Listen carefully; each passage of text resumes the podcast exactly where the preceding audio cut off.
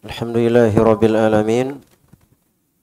حمدا كثيرا طيبا مباركا فيه كما يحب ربنا ويرضاه.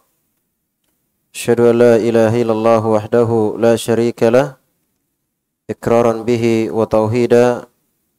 وأشهد أن محمدا عبده ورسوله صلى الله عليه وعلى آله وصحبه وسلم تسليما مزيدا. أما بعد kaum muslimin dan muslimat jamaah asar rahimani wa rahimakumullah. Pada kesempatan sore hari ini kembali kita melanjutkan kajian kita membaca buku-buku yang merupakan kurikulum pada bidang manhaj. Pada bidang manhaj dan kita membaca buku yang paling ringan menjelaskan tentang manhaj, tentang jalan yang lurus. Yaitu kitab yang berjudul Minhaju Al-Firqatin Najiyah wa Ta'ifatil Mansura. Jalan golongan orang-orang yang selamat karya Syekh Muhammad Ibn Jamil Zainu rahimahullah dan kita sekarang masuk pada pertemuan yang kedua dari membaca kitab ini dan telah atau kita masih pada judul pembahasan yaitu Al-Firqatun Najiyah. Al-Firqah An-Najiyah, golongan yang selamat. Dan dari apa yang telah kita baca dari tema ini ayat-ayat dan hadith ayat-ayat dan hadith yang kita baca menjelaskan bahwa tanda atau Al-Firqatun Najiyah adalah satu kelompok, satu jalan. Ya, mereka tidak berpecah-pecah. Mereka tidak bergolongan-golongan. Tetapi Al-Firqatun Najiyah itu hanyalah satu golongan. Hanyalah satu golongan. Tidak berkelompok-kelompok. Ya, tidak beraliran-aliran. Tapi dia hanya satu golongan. Yaitu orang-orang yang kembali kepada Al-Quran dan Hadith sesuai dengan pemahaman para sahabat Nabi Sallallahu Alaihi Wasallam. Itulah satu golongan tersebut. Mereka bersatu di atas al-haq dan mereka bersatu di atas jamaatul abdan. Ya, jamaah kebenaran dan jamaah badan. Jamaah kebenaran yaitu Al-Quran dan Hadith sesuai pemahaman para sahabat dan uh, jamaah badan yaitu bersatu di atas ketaatan kepada pemerintah, mendengar dan taat dan mengagungkan pemerintah tentunya dalam perkara yang ma'ruf yang tidak melanggar syariat dan bila ada kesalahan-kesalahan pada pemerintah maka mereka memperbaikinya dengan cara yang hormat, yang sopan, yang tertutup, menjaga wibawa ya dan uh, ia menjaga wibawa pemerintahnya.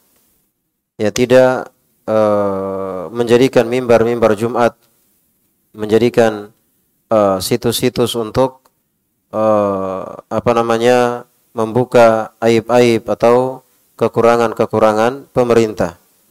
Ya, ini jamaah. Ini namanya persatuan yang dibenarkan kita bersatu di atas Al-Qur'an dan hadis sesuai dengan pemahaman para sahabat dan kita bersatu di atas ketaatan kepada pemerintah yang sah. Tidak ada persatuan yang dibenarkan kecuali persatuan yang telah kita sebutkan tadi. Tidak ada persatuan yang dibenarkan kecuali persatuan di atas uh, kebenaran yaitu Al-Quran dan Hadith sesuai pemahaman para sahabat dan persatuan di atas ketaatan kepada pemerintah yang sah. Kita lanjutkan kata beliau di sini waqala Syekh Abdul Qadir Al-Jailani fi kitabih Al-Ghunyah. Amal firqatun najiyah fahiya ahlus sunnati wal jamaah. Wa ahlus sunnati la isma lahum illa ismun wahid wa huwa ashabul hadith. Kata Syekh Abdul Qadir Al-Jailani. Syekh Abdul Qadir termasuk uh, ulama uh, ahli fikih madhab Hanafi uh, atau Hambali ya Eh, dalam kitabnya Al Al-Ghunyah kata beliau Al-Firqah An-Najiyah golongan yang selamat adalah ahlus sunnati wal jamaah. Golongan yang selamat adalah kata beliau ahlus sunnati wal jamaah, yaitu pengikut sunnah dan berjamaah bersatu. Ini uh, golongan atau tanda orang yang selamat yaitu ahlus sunnah, pengikut sunnah. Maksudnya pengikut agama karena sunnah itu bermakna agama ini seluruhnya. Dia mengikuti tauhid, meninggalkan syirik, dia menegakkan sunnah, meninggalkan bid'ah. Jadi ahlus sunnah adalah pengikut agama ini. Wal jamaah dan bersatu. Itulah golongan yang selamat. Sudah kita bahas tadi bahwa persatuan hanya ada dua macam. Bersatu di atas kebenaran, yaitu Al-Quran dan Hadith, di atas pemahaman para sahabat, dan bersatu di atas ketaatan kepada pemerintah. Maka hati-hati ya, jangan sampai kita bersatu karena pengajian, ya. Kita al-wala wal bara karena yayasan, ya kita cinta dan benci karena suku, ya kita uh, cinta dan benci karena ras dan semisalnya ingat persatuan yang merupakan uh, golongan orang-orang yang selamat mereka hanya bersatu di atas dua tadi itu bersatu di atas kebenaran dengan mengikuti Al-Quran dan Hadith sesuai pemahaman para sahabat. Tidak membedakan antara yang kaya dengan yang miskin, antara yang tua dengan yang muda, antara yang terkenal maupun tidak, pejabat maupun rakyat. Kita semuanya sama, yaitu kita bersatu di atas Al-Quran dan Hadith sesuai pemahaman para sahabat. Tidak melihat suku dan bangsa, ya itu jamaah kebenaran. Yang kedua, yaitu bersatu di atas ketaatan kepada pemerintah. Wa ahlus sunnati la ismalahum illa ismun wahid. Dan ahlus sunnah itu tidak ada nama yang lain. Kecuali hanya satu nama. Wa huwa ashabul hadith. Yaitu pengikut hadith. Ya pengikut hadith. Jadi ahlus sunnah itu. Ya yang dimaksud adalah pengikut hadith Nabi Shallallahu Alaihi Wasallam. Karena sekarang banyak nama ahlus sunnah ini dipakai oleh orang-orang yang ternyata tidak mengikuti sunnah.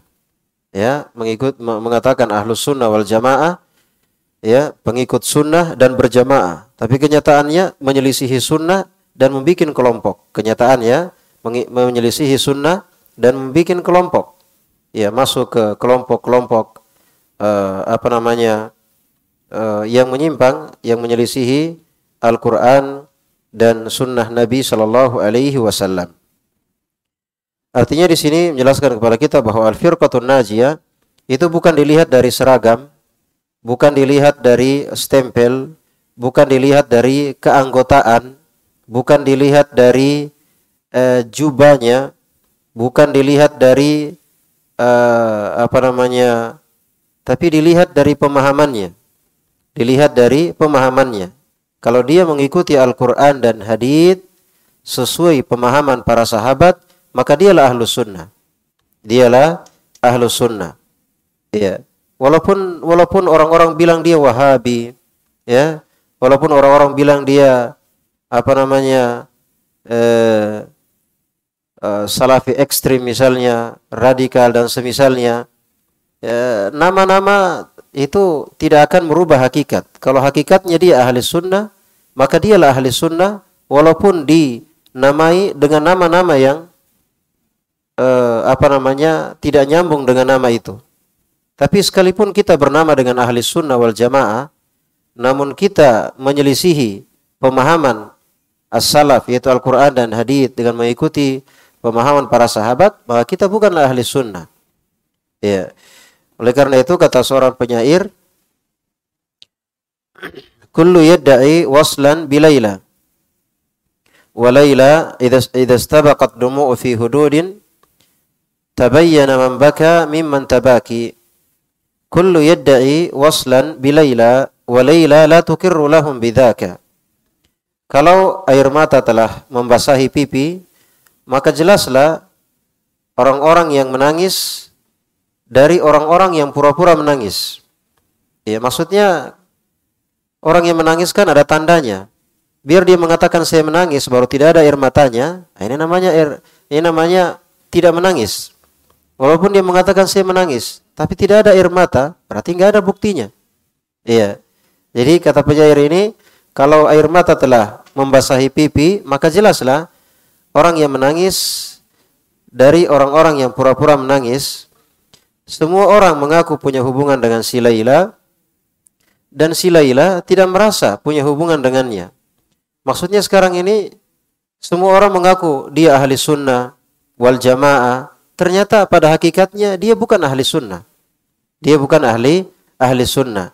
Maka penting untuk mengetahui ahli sunnah, al-firqatun najiyah, al-taifatul mansura, ya, bahwa ternyata ahli sunnah wal jamaah adalah pemahaman ya bukan dilihat dari apa namanya uh, nama atau ke keanggotaan atau jubahnya atau uh, pesantrennya tapi dia pemahaman. Maka dari mana pun dia dari mana pun dia dari pengajian mana pun dari negeri mana pun belajar dari mana pun selama dia mengikuti Al-Quran dan hadith sesuai pemahaman para sahabat maka dialah ahli sunnah.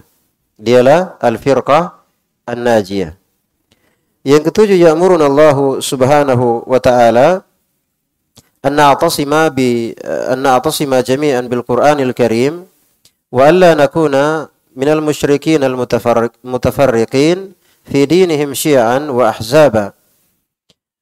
Yang ketujuh dari uh, tema yang beliau angkat al-firqatun najiyah ini masih menjelaskan tentang satu kelompok ini yaitu al-firqah an-najiyah, golongan yang selamat. Ya. Kata beliau, kata Syekh Muhammad bin Jamil Zainu, Allah Subhanahu wa taala memerintahkan agar kita na'tasim, agar kita komitmen. Ya, khususnya di masa ini banyak sekali syubhat. Banyak sekali kerancuan. Ada yang berbicara Islam pakai filsafat. Ya, mantik. Ya, mendahulukan akal. Ada yang berbicara pakai mimpi, ada yang berbicara pakai tradisi, ada yang berbicara pakai tradisi, adat istiadat, ini dinamakan dengan Nusantara. Ya, banyak yang berbicara Islam.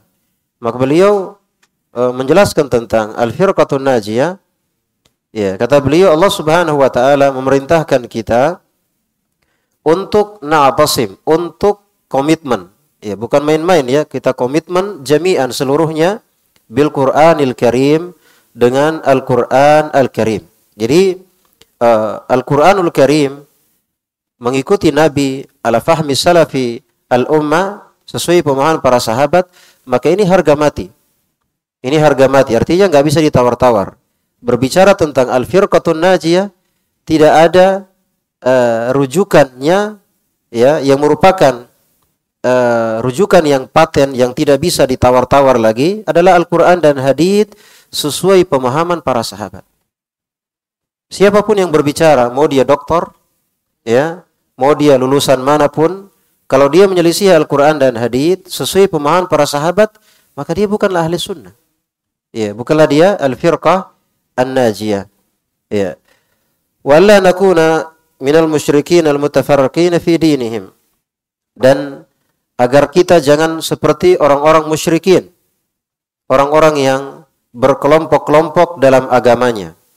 Orang-orang yang berkelompok-kelompok dalam agamanya. Coba kita lihat sekarang umat Islam, bukan Islam ya Islam tetap Islam yang dibawa oleh Nabi Shallallahu Alaihi Wasallam. Tapi umat Islam banyak sekali kelompok, ya golongan-golongan, aliran-aliran.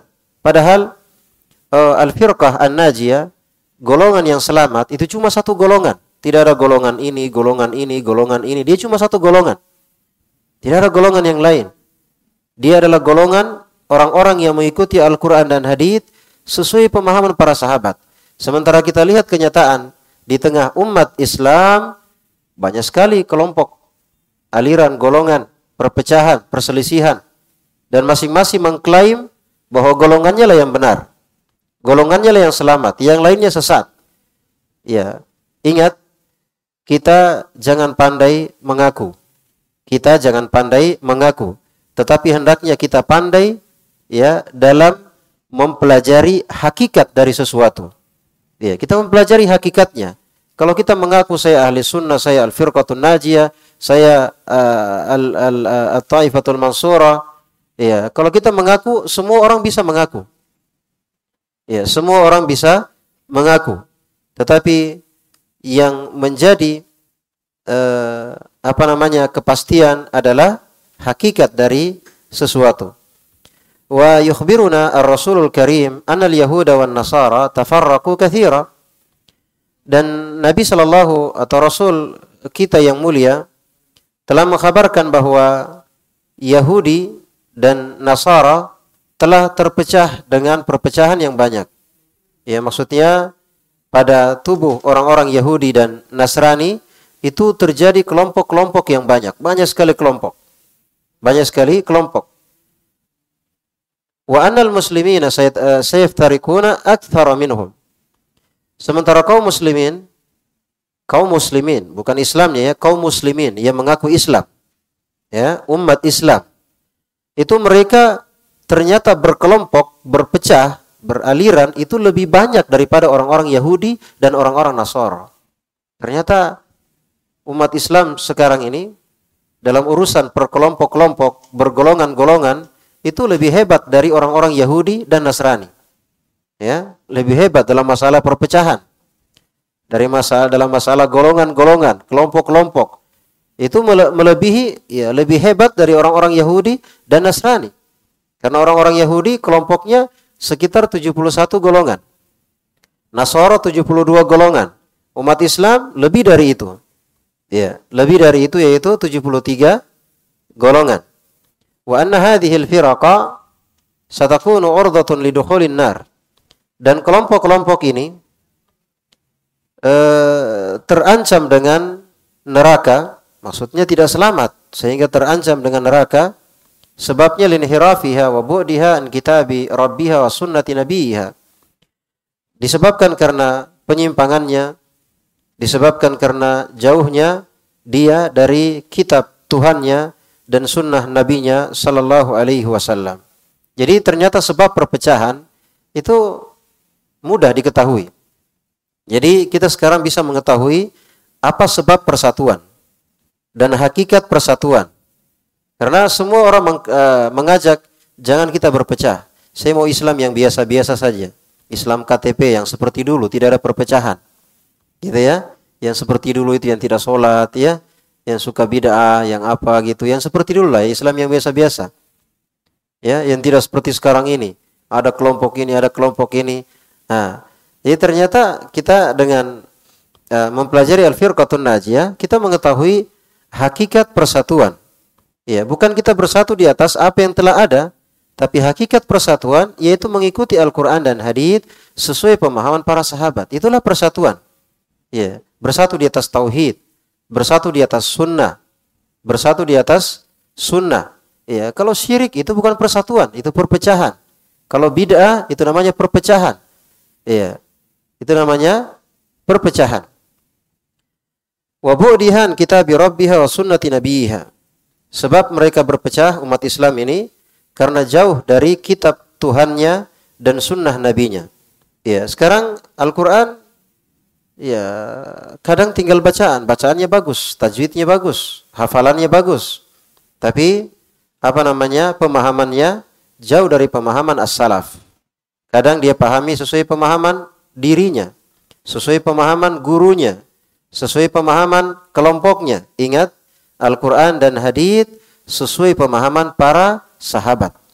Ya, ingat para sahabat. Ya, Makanya sekarang rata-rata kelompok-kelompok yang ada juga pakai ayat. Juga pakai hadith, bikin bingung orang awam. Bikin bingung orang awam, dia pakai ayat juga, dia pakai hadith juga. Ternyata yang masalah bukan ayatnya, bukan hadithnya, yang bermasalah adalah pemahamannya.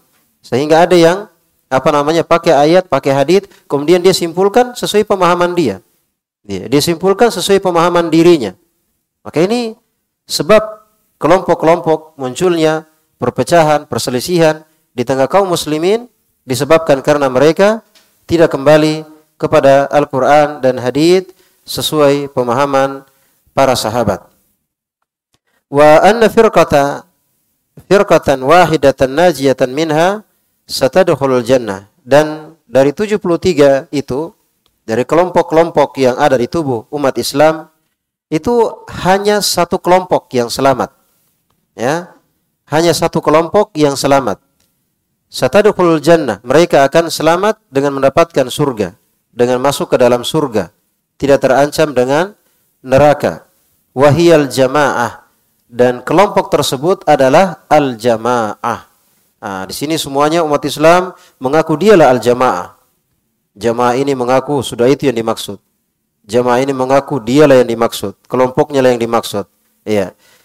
Tapi yang dimaksud dengan al-jamaah sebagaimana yang telah kita jelaskan, al-mutamassikatu bil kitabi was sunnati sahihah. Al-jamaah adalah jamaah yang al-mutamassika yang uh, komitmen yang berpegang teguh dengan Alkitab was sunnah, Al-Quran dan sunnah yang sahih.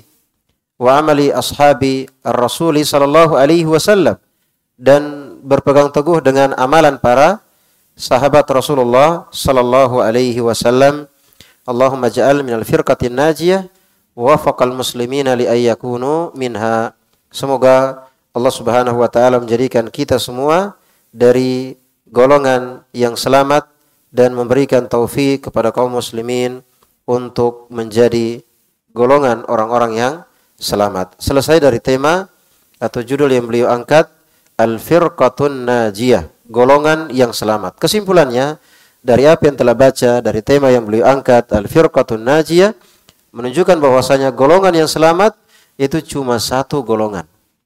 Ya, golongan yang selamat itu cuma satu golongan. Ciri khasnya adalah mereka bersatu. Mereka menjaga persatuan. Mereka tidak berkelompok-kelompok. Mereka tidak beraliran-aliran. Makanya aneh ya, Kadang kalau kita sebagian ditanya, kamu aliran apa? Ya, kamu golongan golongan apa? Jadi seakan-akan kita disangkanya golongan, gitu ya. Disangkanya aliran. Ya, disangkanya aliran. Kamu aliran apa? Golongan apa? Ya, setelah kita belajar manhaj, kita belajar manhaj, itu justru justru apa namanya? Kalau kita ditanya dengan kamu golongan apa, kamu aliran apa? Ini pertanyaan yang salah. Karena kita bukan golongan. Kita bukan aliran. Tapi kita pemahaman, yaitu pemahaman mengikuti Al-Quran dan hadith sesuai pemahaman para sahabat. radhiyallahu ta'ala anhum. Jadi ciri khas atau al-firqatun najiyah, mereka itu bersatu. Ya, maka hati-hati dengan perpecahan. Hati-hati dengan perselisihan. Hati-hati dengan apa namanya fanatisme ustadz sehingga terjadi pengikut ustadz ini, pengikut ustadz ini, pengikut ini ya terjadi dan masing-masing mengklaim, maka mari kita belajar menyelesaikan kurikulum pada setiap bidang, baik itu bidang manhaj, dalam bidang akidah, dalam bidang tafsir, dalam bidang fikih, ya kita apa namanya selesaikan kurikulumnya yang merupakan ilmu alatnya untuk memahami Al-Quran dan hadith sesuai pemahaman yang benar. Ya, sehingga ilmu kita tidak pincang, tidak berat sebelah. Ya, tidak tahu dari satu sisi tapi uh, minus dari sisi yang lain. Sehingga ketika memberikan kesimpulan, kesimpulannya pincang karena dia hanya melihat dari satu sisi dan melupakan sisi yang lain. Oleh karenanya, mari kita sibuk belajar, selesaikan kurikulum yang ada dalam semua bidang. Ya, nggak usah kita sibuk dengan ini dengan ini, ya sikat ini, hantam ini, itu bukan urusan kita. Ya urusan kita yang baru belajar ini memperbanyak belajar. Karena agama kita bukan diajarkan untuk taklid, untuk ikut-ikutan, tetapi agama kita diajarkan, agama kita mengajarkan untuk belajar. Untuk belajar. Fa'alam annahu la ilaha illallah wastaghfir li. Ilmu ilah la ilaha illallah. Kita disuruh untuk belajar. Bahkan kita dilarang dari taklid, dari ikut-ikutan. Apa kata si ini, apa kata ustadz ini, apa kata ini. Kita disuruh untuk belajar. Iya, disuruh untuk belajar. Dengan kita belajar, kita akan mengetahui sesuatu dengan benar secara hakikatnya.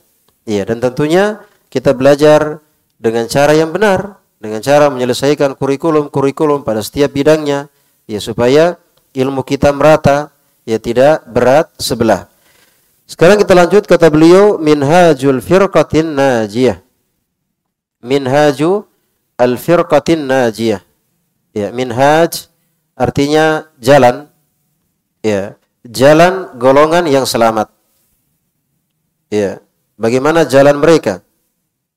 Tadi disebutkan dari uh, judul yang pertama bahwa al-firqatun najiyah itu satu golongan saja.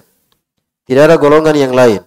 Dari 70 dari 73 dari umat Muhammad itu yang terpecah hanya satu golongan yang dinamakan dengan al-firqatun najiyah. Itulah uh, disebutkan dalam hadis ma ana alaihi al-yauma wa ashabi, yaitu orang-orang yang berada di atas apa yang saya jalani dan para sahabatku. Ya, dan uh, tentunya Nabi Shallallahu Alaihi Wasallam berjalan di atas Al-Quran dan hadith dan pemahamannya beliau ajarkan kepada para sahabat. Ya kepada para sahabat. Kemudian kata beliau minhajul firqati an-najiyah. Jalan golongan yang selamat. Jalan golongan yang selamat.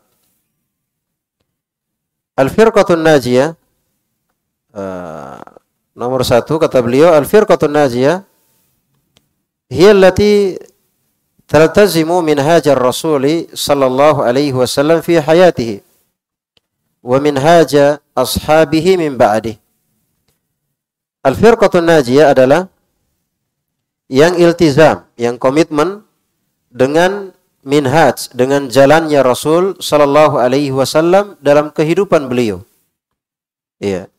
Maksudnya di sini ahli sunnah atau al-firqatun najiyah dia mengikuti Nabi Shallallahu Alaihi Wasallam itu dalam semua sisi, bukan hanya akidahnya, tapi tidak manhajnya, bukan hanya fikihnya, tapi tidak akidahnya, bukan hanya hafalan Qur'annya, tapi tidak pemahamannya, bukan hanya bahasa Arabnya, ya, tapi tidak mengikuti Quran dan sunnahnya, tapi al-firqatun najiyah, al-firqatun najiyah yaitu komitmen dengan jalan ar-Rasul dalam semua kehidupannya.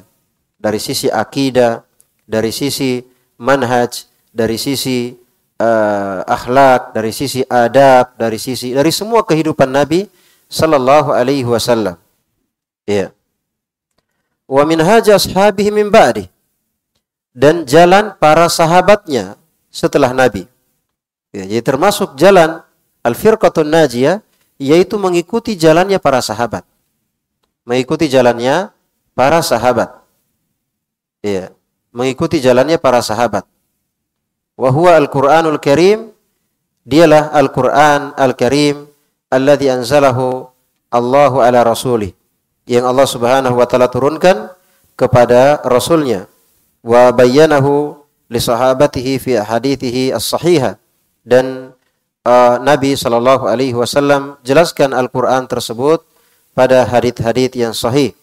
Wa amar al muslimin Nabi tamassuki bihima dan Nabi Shallallahu Alaihi Wasallam memerintahkan kaum muslimin untuk tamasuk.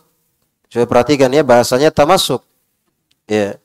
Eh, tamasuk artinya konsisten, komitmen, tegar, berpegang teguh. Itu namanya tamasuk. Ya, karena di zaman ini Ketika seorang lengah dari Quran dan Sunnah sesuai pemahaman para sahabat, maka dia akan terbawa oleh arus syubhat.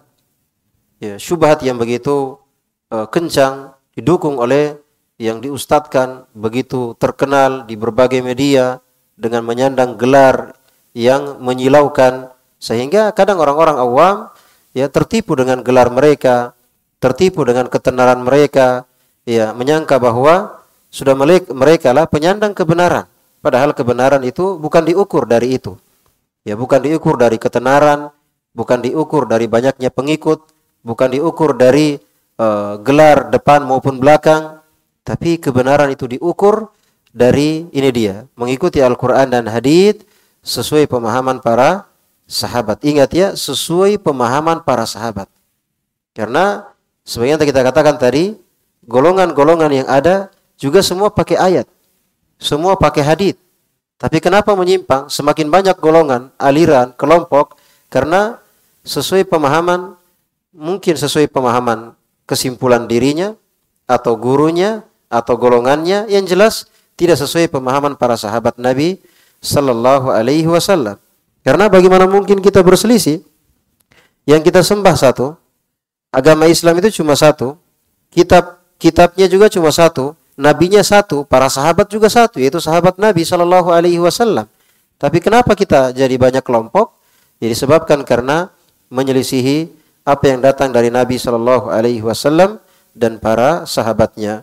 Kata Nabi Sallallahu Alaihi Wasallam, "Taraktu fikum syai'ain lan tadhillu ba'dahuma kitab Allah wa sunnati." Saya tinggalkan kepada kalian dua perkara yang kalian tidak akan sesat.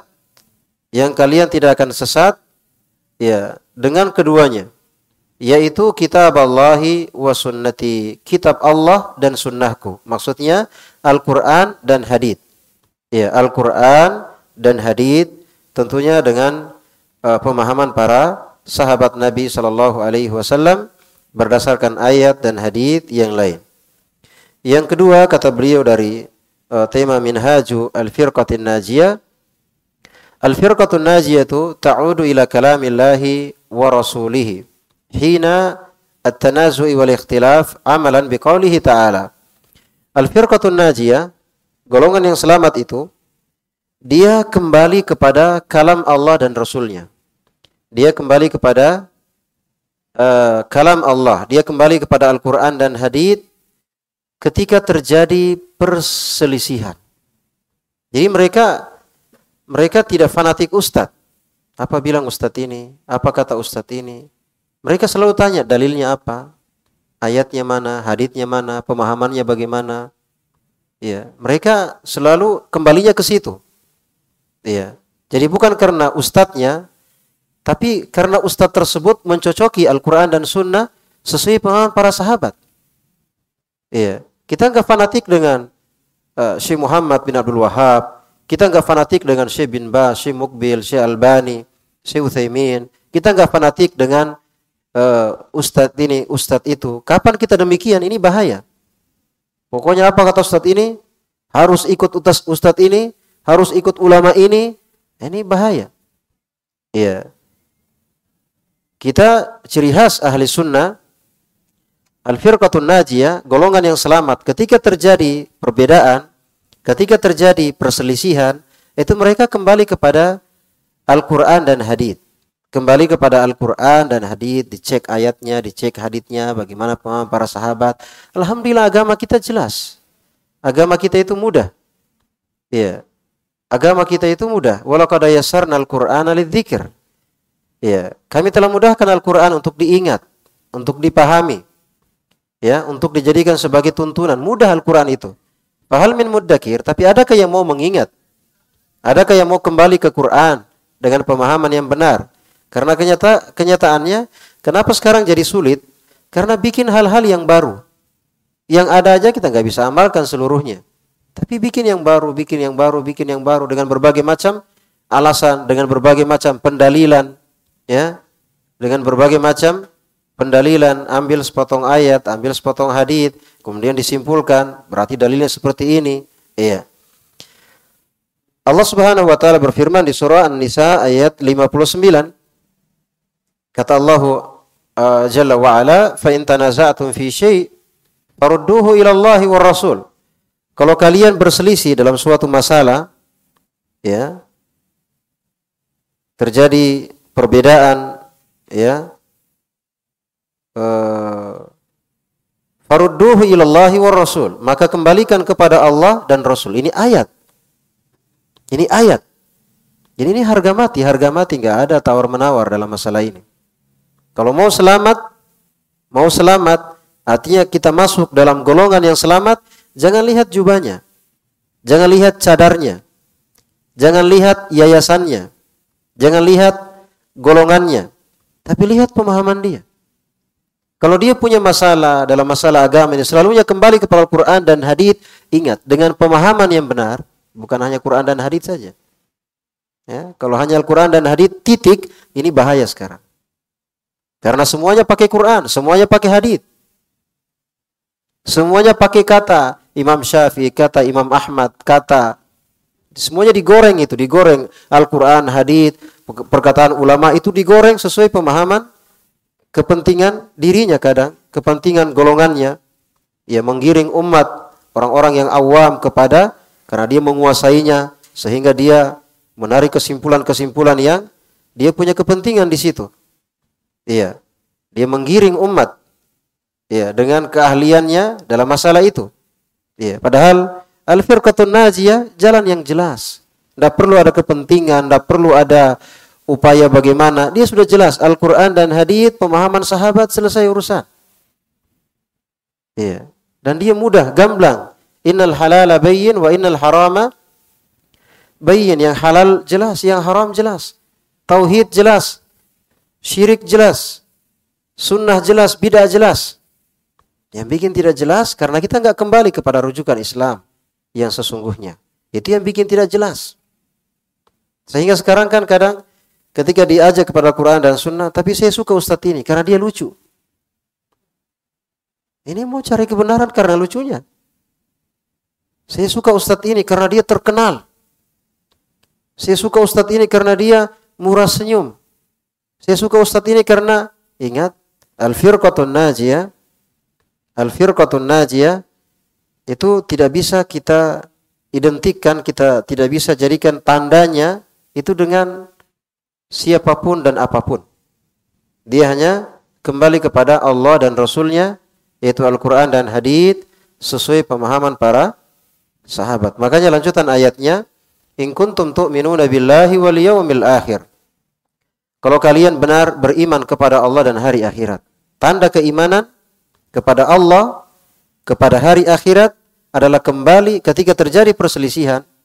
Ya banyaknya golongan-golongan, kelompok-kelompok, ya aliran-aliran. Itu kembali kepada Al-Quran dan Hadith sesuai pemahaman para sahabat. Iya, alhamdulillah agama kita mudah, tidak bertele-tele, ya tidak apa namanya putar sini putar sana untuk kepentingan golongan menggiring manusia ke sana.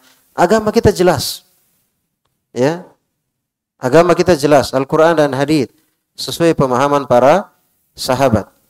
Dzalika khairu wa ahsanu ta'wila. Di surah An-Nisa Allah berfirman, "Wa qala ta'ala fala wa rabbika la yu'minuna hatta yuhakkimuka fima shajara bainahum thumma la yajidu fi anfusihim harajan mimma qadaita wa taslima." Maka tidak demi Tuhanmu. Mereka tidak beriman. Maksudnya mereka tidak beriman sampai mereka menjadikan engkau sebagai hakim. Ya, fi ma syajara bainahum. Pada apa-apa yang mereka perselisihkan. Sini ayat ini menjelaskan lagi-lagi menjelaskan kalau terjadi perselisihan ya, kata Allah Subhanahu wa taala, maka tidak demi Tuhanmu mereka tidak beriman sampai mereka menjadikan engkau sebagai hakim, sebagai pemutus ya, kesimpulan pada apa yang mereka perselisihkan. Mereka berselisih dijadikan Nabi Muhammad sebagai uh, apa namanya? Ia mengambil keputusan. Nabi ambil keputusan, ikut ini sudah. Mereka tinggalkan perselisihan, mereka ikut Nabi. Ya. Thumma la yajidu fi anfusihim haraja. Kemudian ketika ada kesimpulan, ada keputusan dari Nabi, mereka tidak mendapatkan di hatinya keberatan. Pokoknya sami'na wa ata'na. Dengar tak? mimma qadait dari apa yang engkau putuskan wa yusallimu taslima dan mereka menerima dengan sepenuh hati. Ini ciri khas al-firqatun najiyah. Jalan jalan al-firqatun najiyah yaitu mereka dikala banyaknya golongan-golongan, kelompok-kelompok, aliran-aliran, ya, yayasan-yayasan, organisasi-organisasi, semua mengatasnamakan Islam, maka dia nggak pusing dengan itu. Dia perhatiannya kembali kepada Al-Quran dan hadith sesuai pemahaman para sahabat. Bahwa dia yakin bahwa al-firqatun najiyah cuma satu firqah. Dia melarang dari cinta dan benci karena yayasan, karena pondok, karena organisasi, karena partai, karena cinta dan benci karena ini dia, karena al-firqah najiyah. Artinya siapa yang kembali kepada Al-Quran dan hadith sesuai pemahaman para sahabat, maka wajib kita cintai. Ini namanya cinta karena Allah. Iya. Maka siapa yang menyelisihinya, maka wajib kita benci sesuai kadarnya. Iya, dengan terus menasihatinya. Iya. Yang ketiga dari jalan al-firqah an-najiyah, kata beliau al-firqatun najiyah la tuqaddimu kalama ahadin ala kalamillahi wa rasulihi. Amalan biqaulihi ta'ala Ya ayyuhalladzina amanu la tuqaddimu baina yadayillahi wa rasulih wattaqullah innallaha sami'un alim.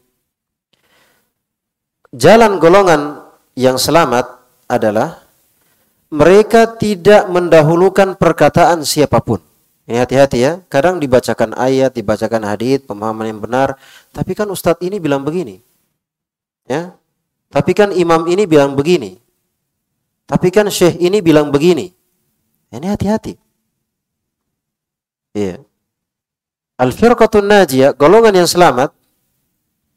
Ya, tadi ciri khasnya mereka bersatu, tidak ada kelompok-kelompok di tengah mereka. Al-firqatun najiyah, golongan yang selamat tidak mendahulukan perkataan siapa pun di atas perkataan Allah dan Rasulnya. Maksudnya, fanatik mereka, fanatik mereka Al-Quran dan hadith sesuai pemahaman para sahabat. Itu fanatik mereka. Mereka tidak fanatik pondok, mereka tidak fanatik ustadz, mereka tidak fanatik pengajian. Mereka tidak fanatik mereka Al-Quran dan hadith sesuai pemahaman para sahabat. Iya.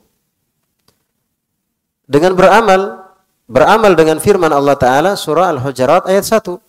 Wahai orang-orang yang beriman, janganlah kalian mendahulukan Allah dan Rasulnya. Maksudnya janganlah engkau kalian mendahului Allah dan Rasulnya.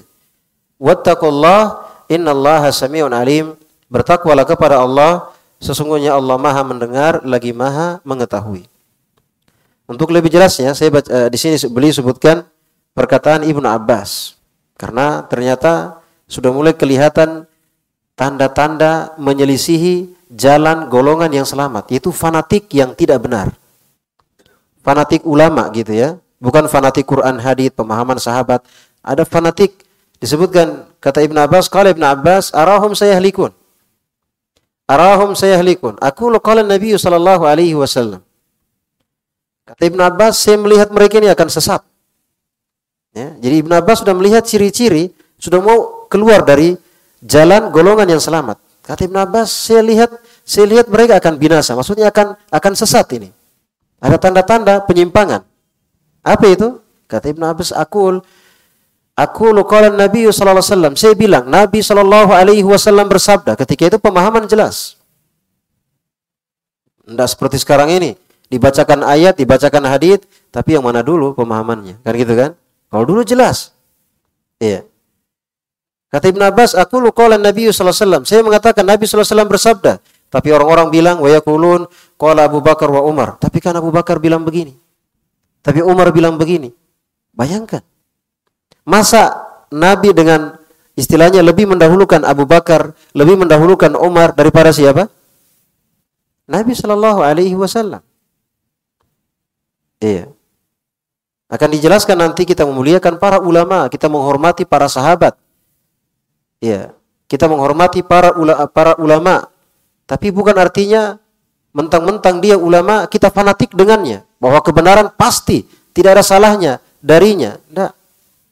Kita hanya uh, belajar dengan kembali kepada Al-Quran dan Hadith sesuai pemahaman para sahabat ridwanullahi taala alaihim. Wa yakulun qala Abu Bakar wa Umar. Tapi mereka bilang Abu Bakar dan Umar bilang begini. Iya. Nah, sekarang kan kadang ya dibawakan ayat, dibawakan hadis, pemahaman yang benar. Enggak bolehnya tentang misalnya eh, macam-macam, entah syirik, entah bid'ah, entah itu bid'ah dengan berbagai bentuknya. Pasti alasannya, tapi kan ustadz ini bilang begini. Tapi kan ada ustadz yang membolehkan, kan begitu ya? Tapi kan ada ustadz yang membolehkan. Nah, ini sudah mulai kelihatan. Ya. Ketika ada syirik yang dijelaskan, ya ada bid'ah yang jelas dijelaskan sesuai Quran dan hadis memang sahabat nah, akhirnya macam-macam. Ya palingan bilang ah ilmu tidak seberapa dengan guru saya. Kan begitu kan? Ya kamu masih anak kemarin sore ini guru saya sudah putih rambutnya. Tidak nyambung maksudnya ini kalau dia dia paham al firqatun najiyah golongan yang selamat bukan begitu alasannya bukan begitu alasannya tapi sekarang aneh, aneh memang karena dia nggak paham al-firqatun najiyah, golongan yang selamat. Sudahlah. Anak-anak kecil kamu, kamu nggak usah dulu banyak. Ya. Itu guru saya itu sudah putih rambutnya. Putih jenggotnya. Ah, tidak ada urusan dengan putihnya rambut, dengan putihnya jenggot. Ngapain dengan putihnya rambut? Maka Al-Quran dan hadith, pemahaman sahabat, itu sesuatu yang tidak ada tawar-menawar. Selalu kita kembali, selalu kita kembali ke yang paling atas. Maka ingat-ingat sekarang kita melihat aneh betul ya. Saya nggak sebut nggak mau sebut ya nanti. Yang jelas dari uh, ustadz yang menyebarkan syubhat ya dari uh, Mesir ya doktor. Coba bayangkan kalau kita lihat cara pendalilannya bawakan ayat misalnya atau hadits misalnya. Kemudian ya langsung lompat langsung misalnya tabiut tabiin. Bayangkan tabiut tabiin dipertentangkan dengan perkataan sahabat misalnya. Ya ini sisi cara-cara pendalilan yang keliru harusnya kalau mau berdalil itu kita kembali dari atas jangan yang di bawah ini jadi kita jadikan sebagai dalil untuk istilahnya mengaburkan yang dari atas kita kalau misalnya ambil air yang mau yang murni ada mata air, ada pipa, sambung-sambung pipa. Kalau mau murni langsung ambil dari mata air. Iya, langsung ambil dari mata air. Apa yang lagi repot-repot? Kalau bisa ambil dari mata air, ambil dari mata airnya. Iya, alhamdulillah agama kita jelas. Taib.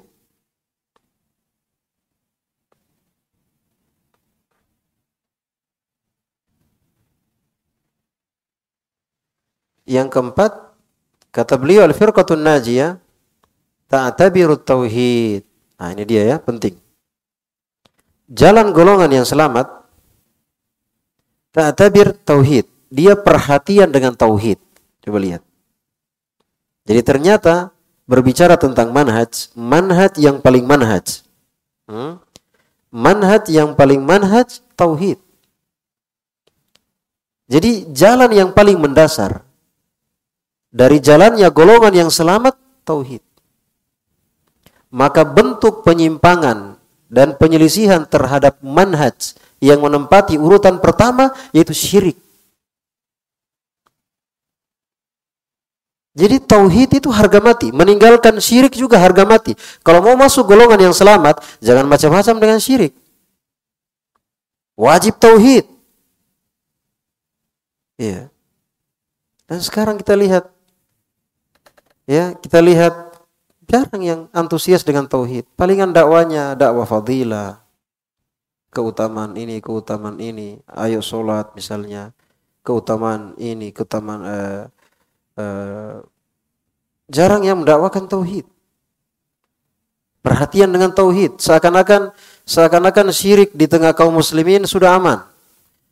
Syirik tidak ada syirik di tengah kaum. Seakan-akan seperti itu.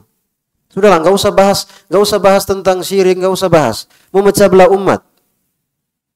Bahas, ayo ajak mereka ke sholat, ajak mereka ke Islam. Ini cara pandang yang keliru.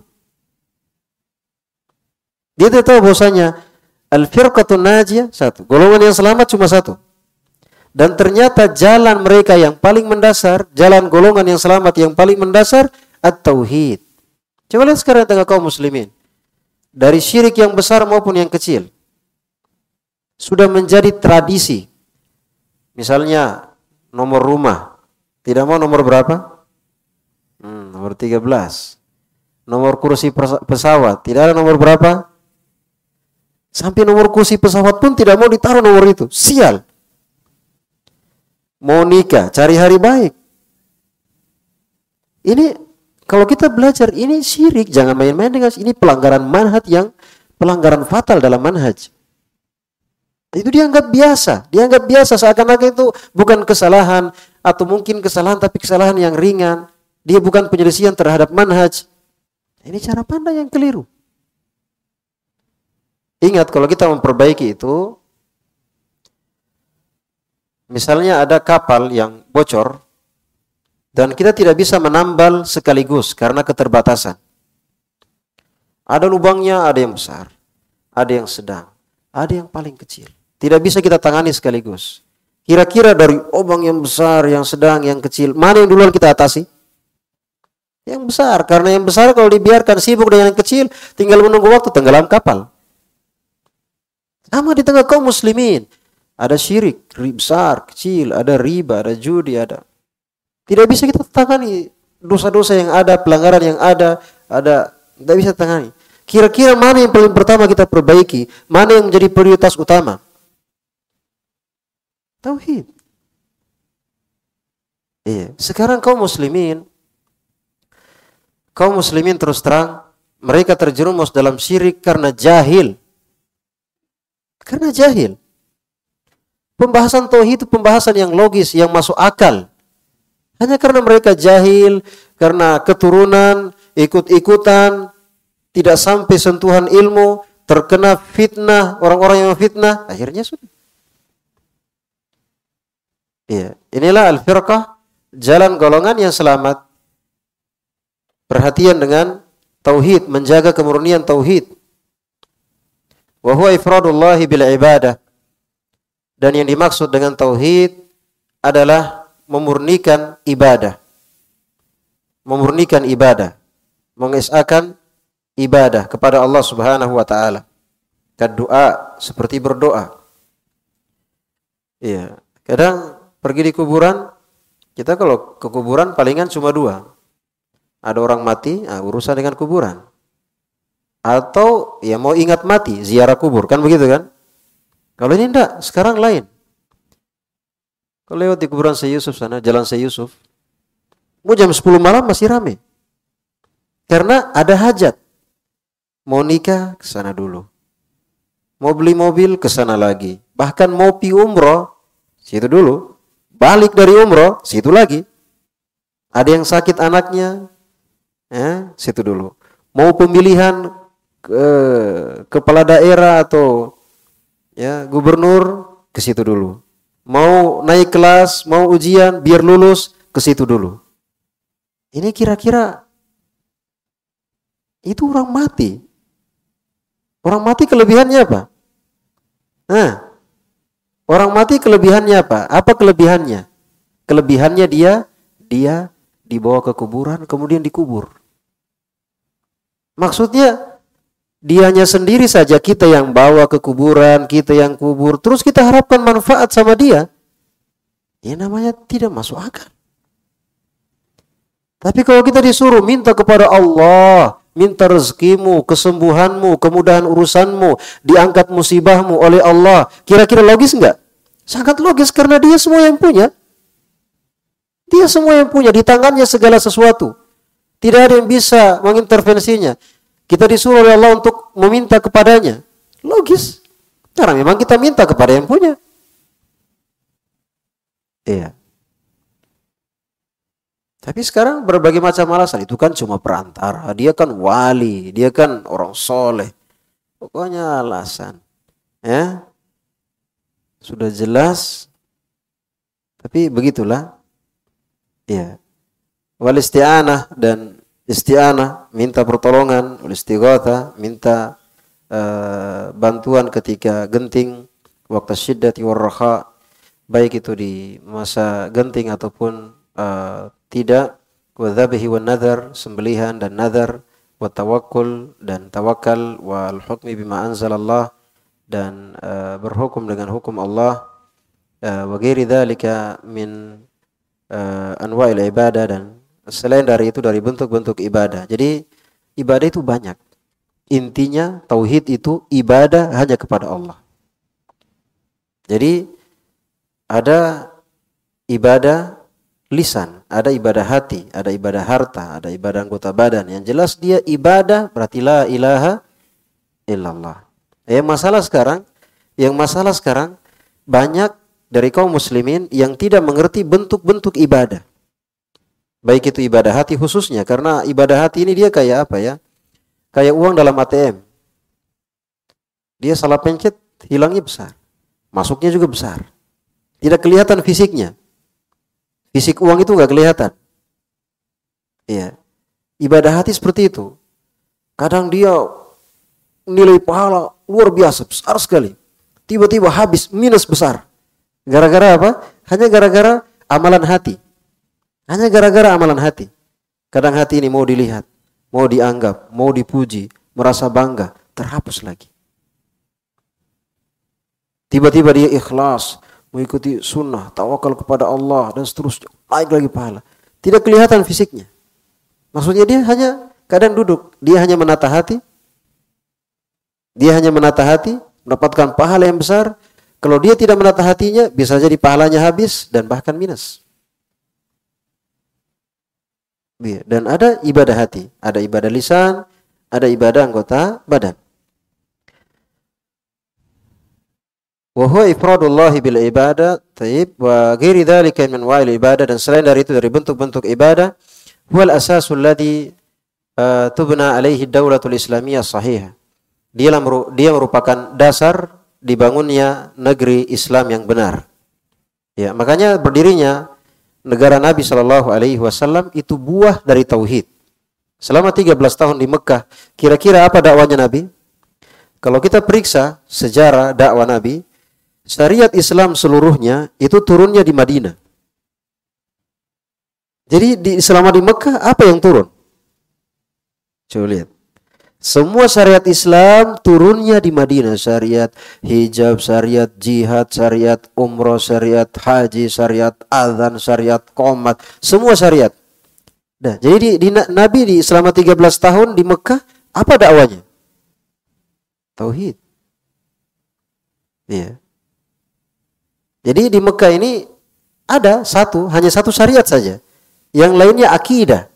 Dari awalnya hingga hijrah itu akidah. Hanya satu tambahan eh, syariat yaitu sholat. Makanya Isra Mi'raj, Isra Mi'raj itu di sekitar tahun ke-11. 13 tahun Nabi di Mekah, tahun ke-11.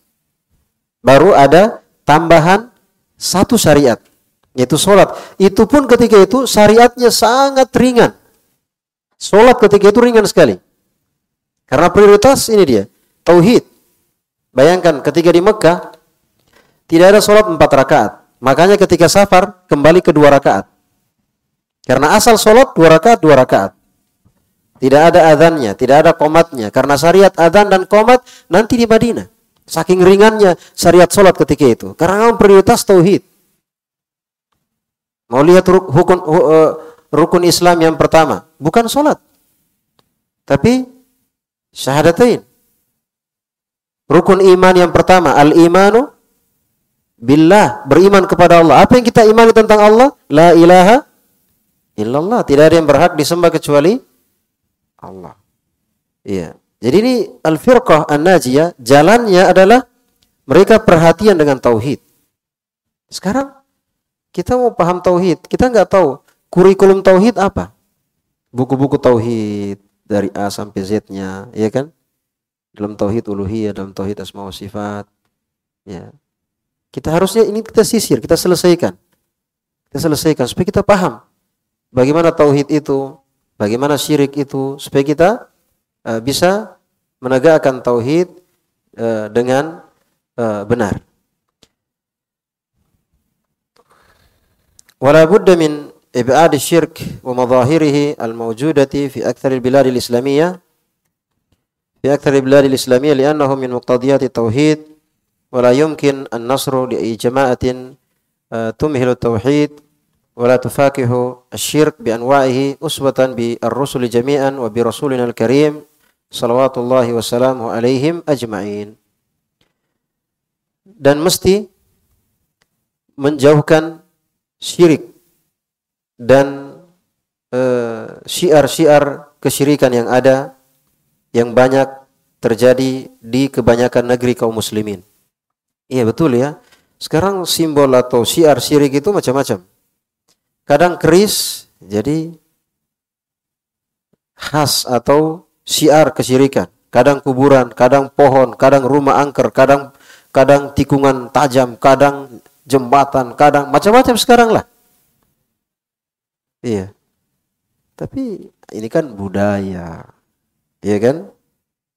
Budaya tidak masalah dengan budaya. Apa masalahnya? Tapi masalahnya budayanya menyelisih Al-Quran dan masalahnya budaya budaya syirik. Nah, ini yang masalah. Seandainya tidak ada tidak menyelisihi misalnya budaya gotong royong ya kan budaya eh, senyum budaya pakai sarung misalnya ya sekarang budaya budaya barat kok nggak ada yang ribut ya kan pas dikembalikan ke Al-Quran hadis tinggalkan syirik ya kan pada bilang budaya kan gitu kan baik jadi harus uh, menjauhkan dari syirik dari simbol-simbol atau syiar kesyirikan yang ada ya, banyak di negeri-negeri Islam karena ini konsekuensi tauhid. Tauhid dan syirik tidak mungkin ketemu. Konsekuensinya orang yang bertauhid tinggalkan apa?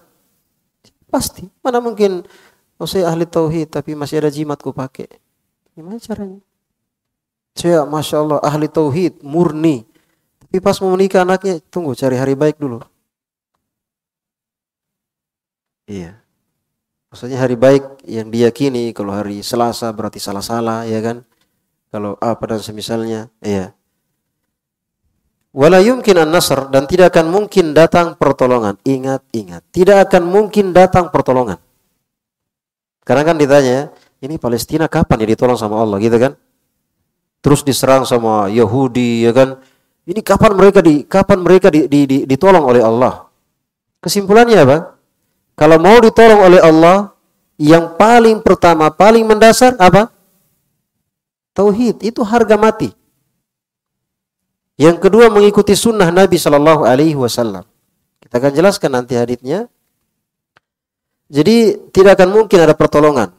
Jamaah mana saja yang e, melalaikan tauhid dan tidak memberantas kesyirikan dengan berbagai bentuknya sebagai bentuk mengikuti para rasul seluruhnya. Para rasul seluruhnya itu dakwanya tauhid. Adapun yang lain syariat itu istilahnya ibaratnya kalau rumah itu pondasinya tauhid.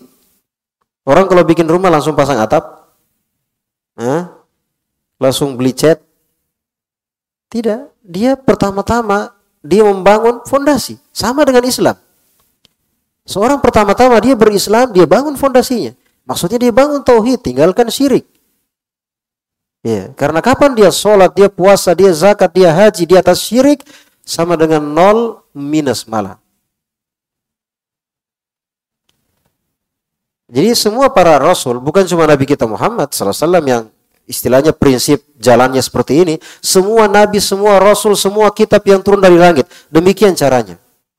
Tauhid itu dasar yang paling pertama. Allah kada ba'atna fi kulli ummati rasula an ibudullah wa jitanibu at-tagut. Kami telah mengutus kepada setiap generasi, generasi oh, umat terakhir, generasi orang-orang Yahudi, generasi sebelumnya, ya, setiap generasi diutus rasul, apa misinya? An ibudullah wa jitanibu at-tagut. Supaya mereka menyembah Allah dan menjauhi apa? menjauhi togut. Togut artinya semua yang disembah selain Allah. Ya. Wa bi Rasulina al-Karim sallallahu wasallamu alaihim ajmain dan juga sebagai uh, teladan atau sebagai bentuk mengikuti Rasul kita yang mulia uh, salawatullahi wasallamuhum ajmain. Salawat Allah uh, dan salamnya atas mereka seluruhnya. Alhamdulillah Eh, pada judul Al-Firq Aminhajul Firqatin Najiyah, jalan golongan yang selamat. Jadi judul yang pertama Al-Firqah An-Najiyah, golongan yang selamat. Artinya apa di sini? Golongan yang selamat itu judulnya Al-Firqah, bukan Al-Firaq. Firaq golongan-golongan. Jadi Al-Firqah, satu golongan yang selamat. Tadi itu mereka menjaga persatuan, tidak berkotak-kotak.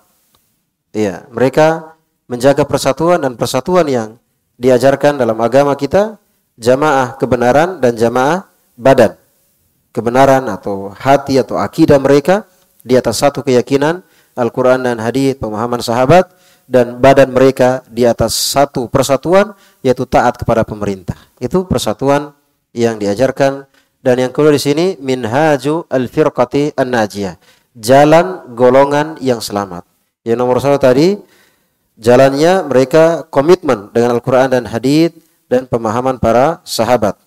Yang kedua, ketika terjadi perselisihan Ada hal-hal yang aneh, mulai ada golongan, mulai ada kesesatan, mereka kembali ke mana? Kembali kepada Al-Quran dan hadith sesuai pemahaman yang benar. Yang ketiga, al, uh, al, al jalan al-firqah an-najiyah, mereka tidak fanatisme kecuali kepada siapa? Hmm. Kepada Allah dan Rasulnya. Iya. Mereka hanya fanatismenya kepada kepada Al-Quran dan hadith. Tentunya sesuai dengan pemahaman para sahabat. Maka mana mungkin mereka pertentangkan perkataan orang-orang di bawahnya dengan perkataan sahabat. Atau perkataan sahabat dengan perkataan Nabi. Tapi mereka selalu mengembalikan dari rujukan utama yaitu Al-Quran dan hadith sesuai pemahaman para sahabat. Demikian caranya dalam uh, pendalilan.